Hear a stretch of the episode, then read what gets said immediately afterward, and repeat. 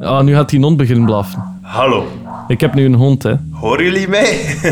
Welkom bij Plantrekkers nummer 49. Hallo, Met hallo, Wederik de Bakker hallo, en Thomas Morlion. hallo, Muziek van Frederik de Klerk. hallo. Maar horen jullie mij niet? Maar ja toch? En een voice-over stem van de enige echte Patrick Kobaert. Klopt. Thomas heeft ook een heel klein beetje muziek gemaakt, omdat hij het niet laten kon en tijdens deze crisis een gitaar heeft gekocht. Hoor je dat? En samen hebben deze creatieve duizendpoten een soap gemaakt. Geïnspireerd door deze tijd van thuisblijven. Wel, het concept komt van Wederik de Bakker. Dat is een radiomaker die, die ehm, ja, al het een en het ander van wisselend succes eh, gemaakt heeft. En nu heeft hij een, een idee gekregen om een soort soapserie over de Praagstraat te maken. Dat is de straat waarin hij leeft. Ik woon daar niet. Wij zijn geen koppel. Dat gaat over de kleinmenselijke dingen die de mensen in de Praagstraat beleven. Is het goed zo uitgelegd, Wederik? Dat is heel goed uitgelegd zelfs, Thomas. Felicitaties. Je hebt gekozen voor een soort van soapformule, maar horen we straks ook verschillende soapacteurs die middelmatige tekst debiteren. Eh, nee, wij zorgen zelf voor de middelmatige tekst die wij ook zelf debiteren. Ik vond dat gewoon een leuke vorm, de soap. Zeker omdat iedereen op dit moment grotendeels hetzelfde doet, namelijk thuis zitten. Eh, gaan wij nu afscheid nemen? Want we hebben wel nog heel wat werk te doen ook, hè. Dat was het. Veel luisterplezier. Dag! Dag! Tot de volgende. Ciao. Make me look good, eh, boys.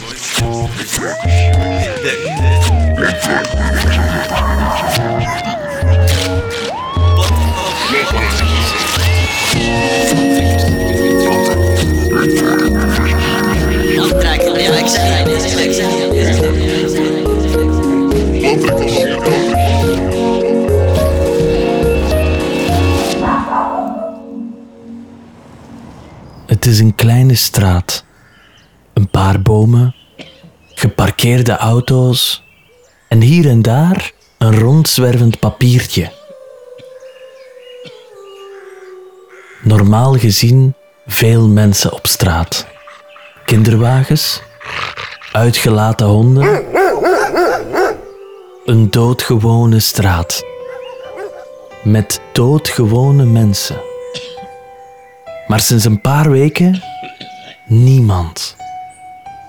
Corona. Iedereen blijft binnen. In zijn veilige huis. Ramen dicht, deuren op slot, voorraadkast aangevuld.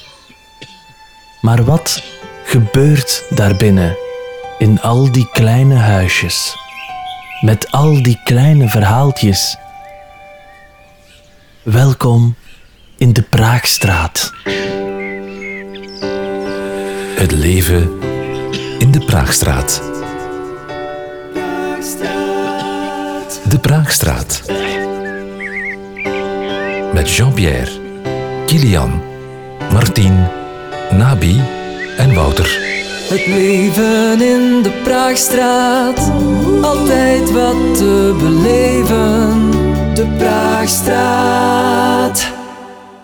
Corona is een zegen.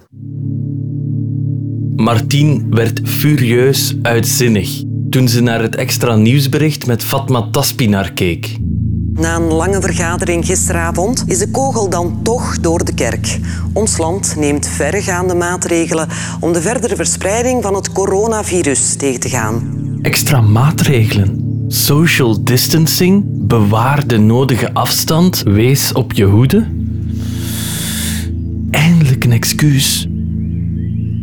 Geen gedwongen knuffels meer, geen fysiek contact met een man die ze na 40 jaar huwelijk toch niet meer zo aantrekkelijk vond als weleer.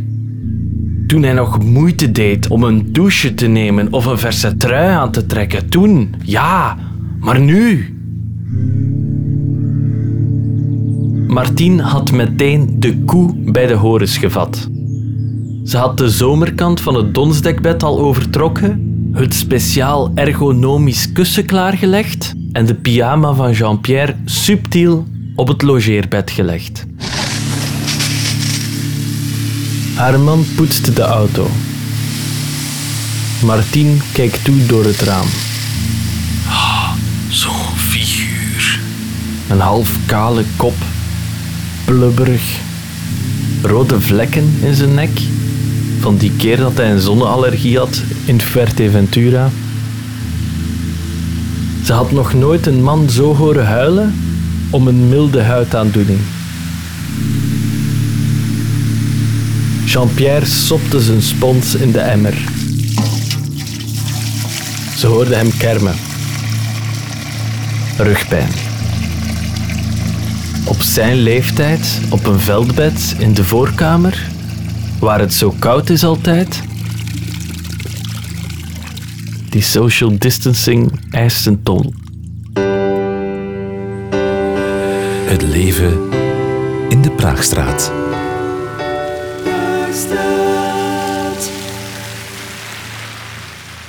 Nabi heeft al twee weken heel wat aan zijn hoofd. In normale omstandigheden bezoekt hij elke week zijn beste vriend Kurt. Op maandag, want Kurt is kapper en die hebben de maandagen vrij af. Dat is een stilzwijgen conventie onder kappers. Want op maandag doen kappers hun administratie en zorgen ze dat ze weer knipklaar zijn voor een nieuwe week vol haarknippen. Nabi's vriend Kurt is een mooie man met een goed draaiend kapsalon. Hij heeft één hulpkapper die eigenlijk een betere kapper is dan Kurt, maar veel minder ambitie heeft. Dus Kurt, de knappe kapper, knipt en kapt heel knap, maar de knecht van Kurt, de knappe kapper, knipt en kapt veel knapper dan Kurt, de knappe kapper zelf knipt en kapt. Daar is Kurt soms jaloers om, maar ook dankbaar dat zijn knecht bij hem blijft. Het kapsalon van Kurt heet Harry Styles. Dat is een naam waar Kurt zelf niet heel tevreden over is, maar hij heeft hem om marketingtechnische redenen behouden toen hij het kapsalon overnam van Bernard, een bevriende barbier die nu brood bakt aan de Bosporus. Ik weet het, van barbier naar bakker is een bijzondere bijstelling van beroep, maar een burn-out bracht Bernard tot het besef dat het beter was brood te beginnen bakken dan barbier te blijven. Ook voor kappers is de 21ste eeuw een slopend tijdperk. Maar we moeten terug naar Nabi en zijn bezoekjes aan Kurt. Wat je moet weten over Nabi is dat hij al heel zijn leven een gemillimeterd kapsel heeft. Tot voor een paar jaar schoor zijn moeder elke week zijn haar, tot zij beide handen verloor in een afgrijselijk tennisongeval.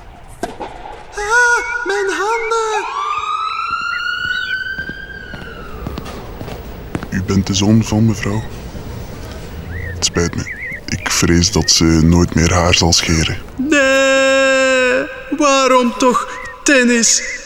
Sindsdien kon Nabi terecht bij Kurt, zijn vriend slash kapper, maar nu dus niet meer. En dat weegt op Nabi. Niet alleen omdat hij het mist om lekker bij te praten onder het zachte gezoem van een tondeuze, maar vooral omdat hij nu, voor de eerste keer in zijn leven, haar op zijn hoofd heeft. Wordt ongetwijfeld vervolgd.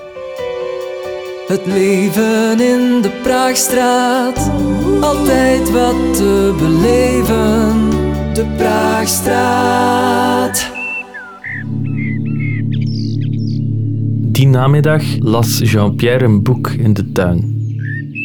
Hij was nooit een grote lezer geweest, maar voor deze lockdown deed hij graag een effort. Hij las Leven met migraine van Evi Gruijaert. Want migraine is veel meer dan hoofdpijn alleen. En dat was wat Evi Gruijaert duidelijk wou maken in haar nieuwe boek. Zelf kampte ze regelmatig met zware aanvallen en dat zette voor een groot stuk haar leven op zijn kop.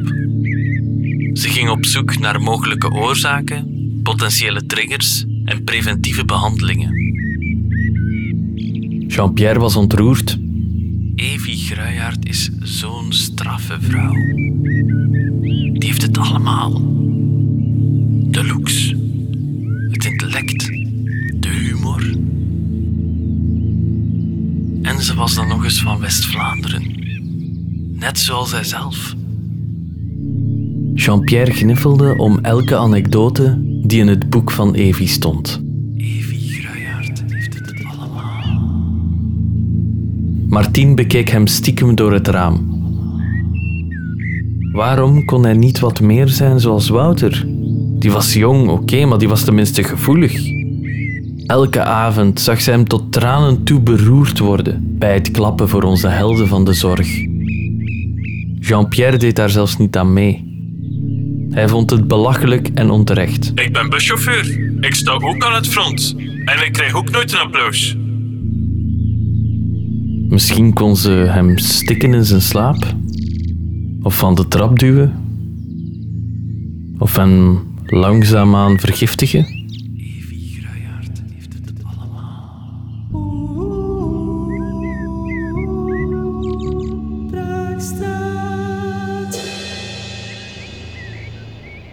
Met Wouter was er genoeg mis om een personage uit een soap te kunnen zijn. Dat had iedereen in zijn verleden hem al gezegd. Maar ze nemen geen echte verhalen aan in soaps. Dat wist hij, omdat hij gebeld had. Wouter was een gevoelige jongen met het hart op de juiste plaats. Hij hield van sport, gezelschap en een lekker glaasje. Zijn motto Als een vrouw zegt dat je te ver gaat, dan kom je te dichtbij. Hij was nog steeds vrijgezel, hoewel hij bijzonder grappig was. Hij was de eerste om te zeggen op een feest dat iemand zijn bier uitgedronken had. En dat de wijn goed was, omdat het een mise en bouteille was. En dat hij dat altijd graag dronk. Mise en bouteille.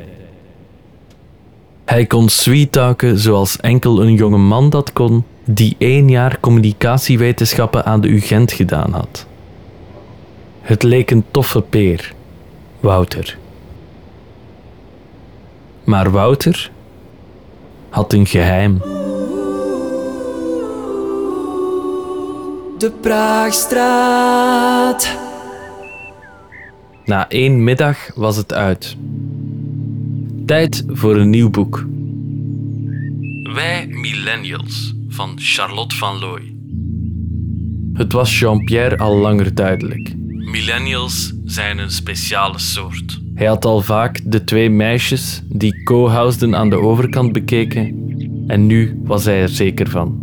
Wie je wil leren kennen, moet je eerst begrijpen. In haar aangrijpende relaas schrijft Charlotte van Looy in Wij Millennials over het moeilijke lot die millennials, geboren tussen 1980 en 2000, beschoren zijn. De perceptie wil dat ze alles in de schoot geworpen krijgen, maar tegelijkertijd willen ze succesvol zijn op elk gebied.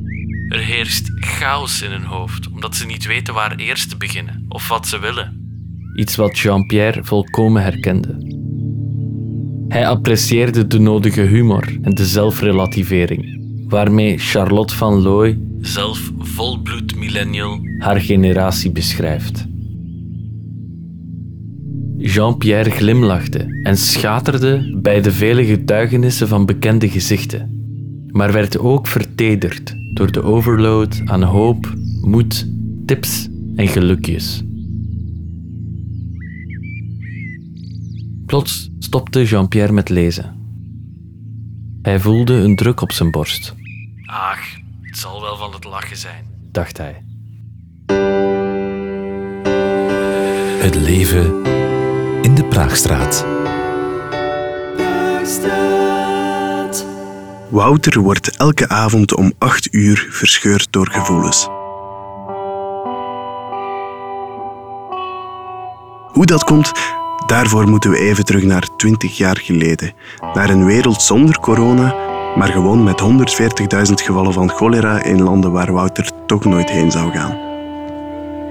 Wouter zat toen in het vierde middelbaar, samen met 13 andere pubers in 4 Latijn wetenschappen B. De slimmere kinderen zaten in Latijn wetenschappen A of in Latijn wiskunde. Zeker niet in Latijn moderne talen, want dat was volgens de moeder van Wouter de vuilbak van de Latijnse.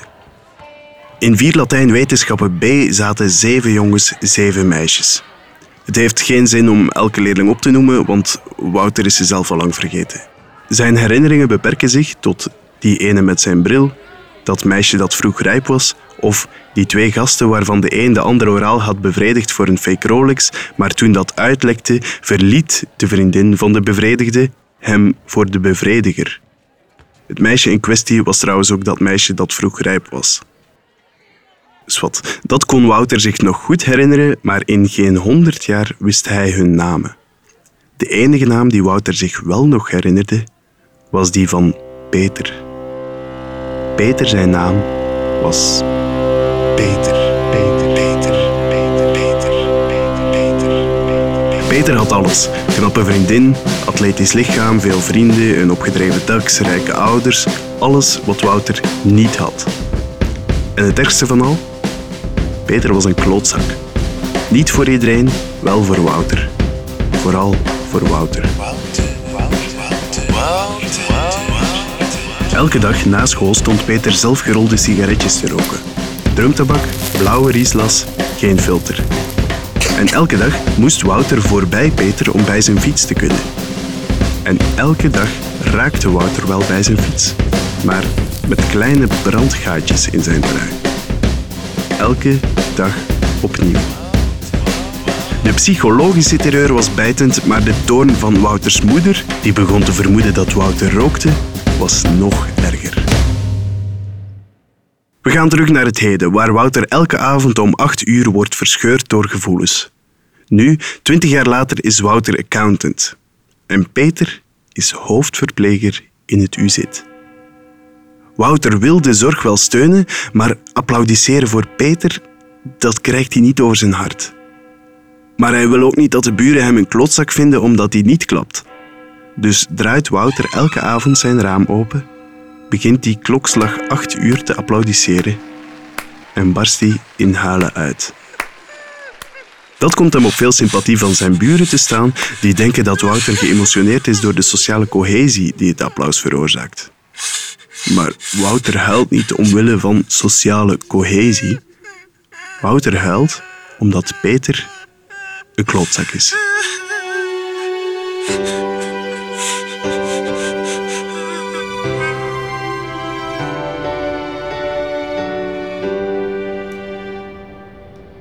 Terwijl door sommige bewoners van de Praagstraat gefluisterd werd dat de coronamaatregelen wel erg ver begonnen te gaan, gingen deze voor Kilian nog niet ver genoeg. Hij reageerde elke avond trouw op elk corona-gerelateerd bericht dat hij zag passeren op de sociale media. Iemand die rustte op een bank in het parkje om de hoek.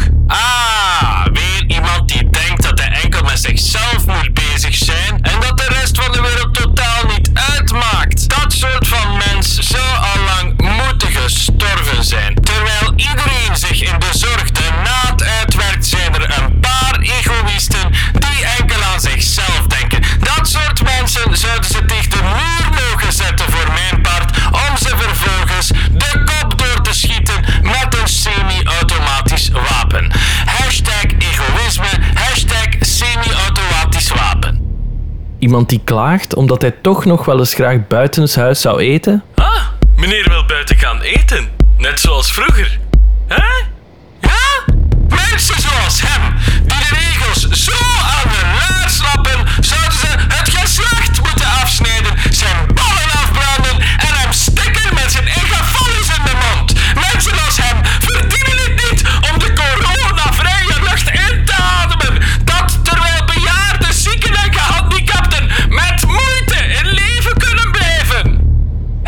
Hashtag in leven kunnen blijven.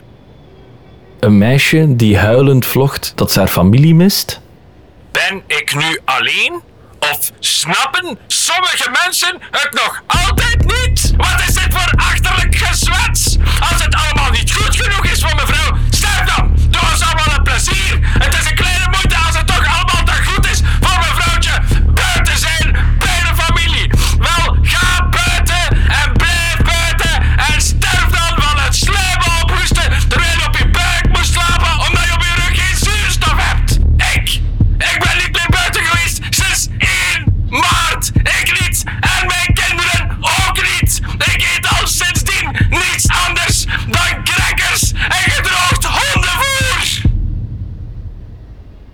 Maar na zijn tijd op de sociale media ging hij naar beneden, kuste hij zijn vrouw een beetje, schatje? en stak hij zijn kinderen in bed.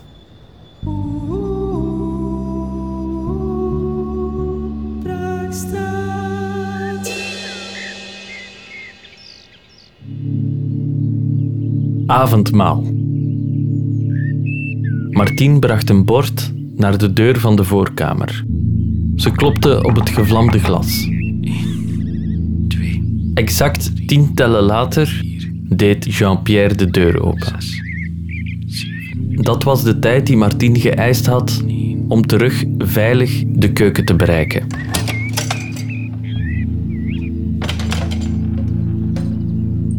Ze kookte tenminste nog voor hem. Dat was toch iets. Het leven in de Praagstraat. De Praagstraat. Met Jean-Pierre, Kilian, Nabi, Martien en Wouter. Het leven in de Praagstraat, altijd wat te beleven.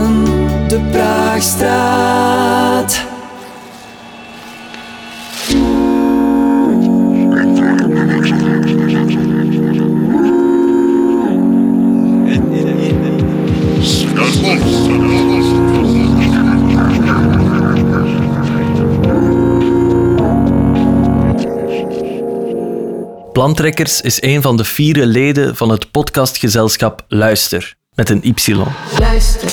Kijk zeker eens op luister.be. Ook weer met een Y.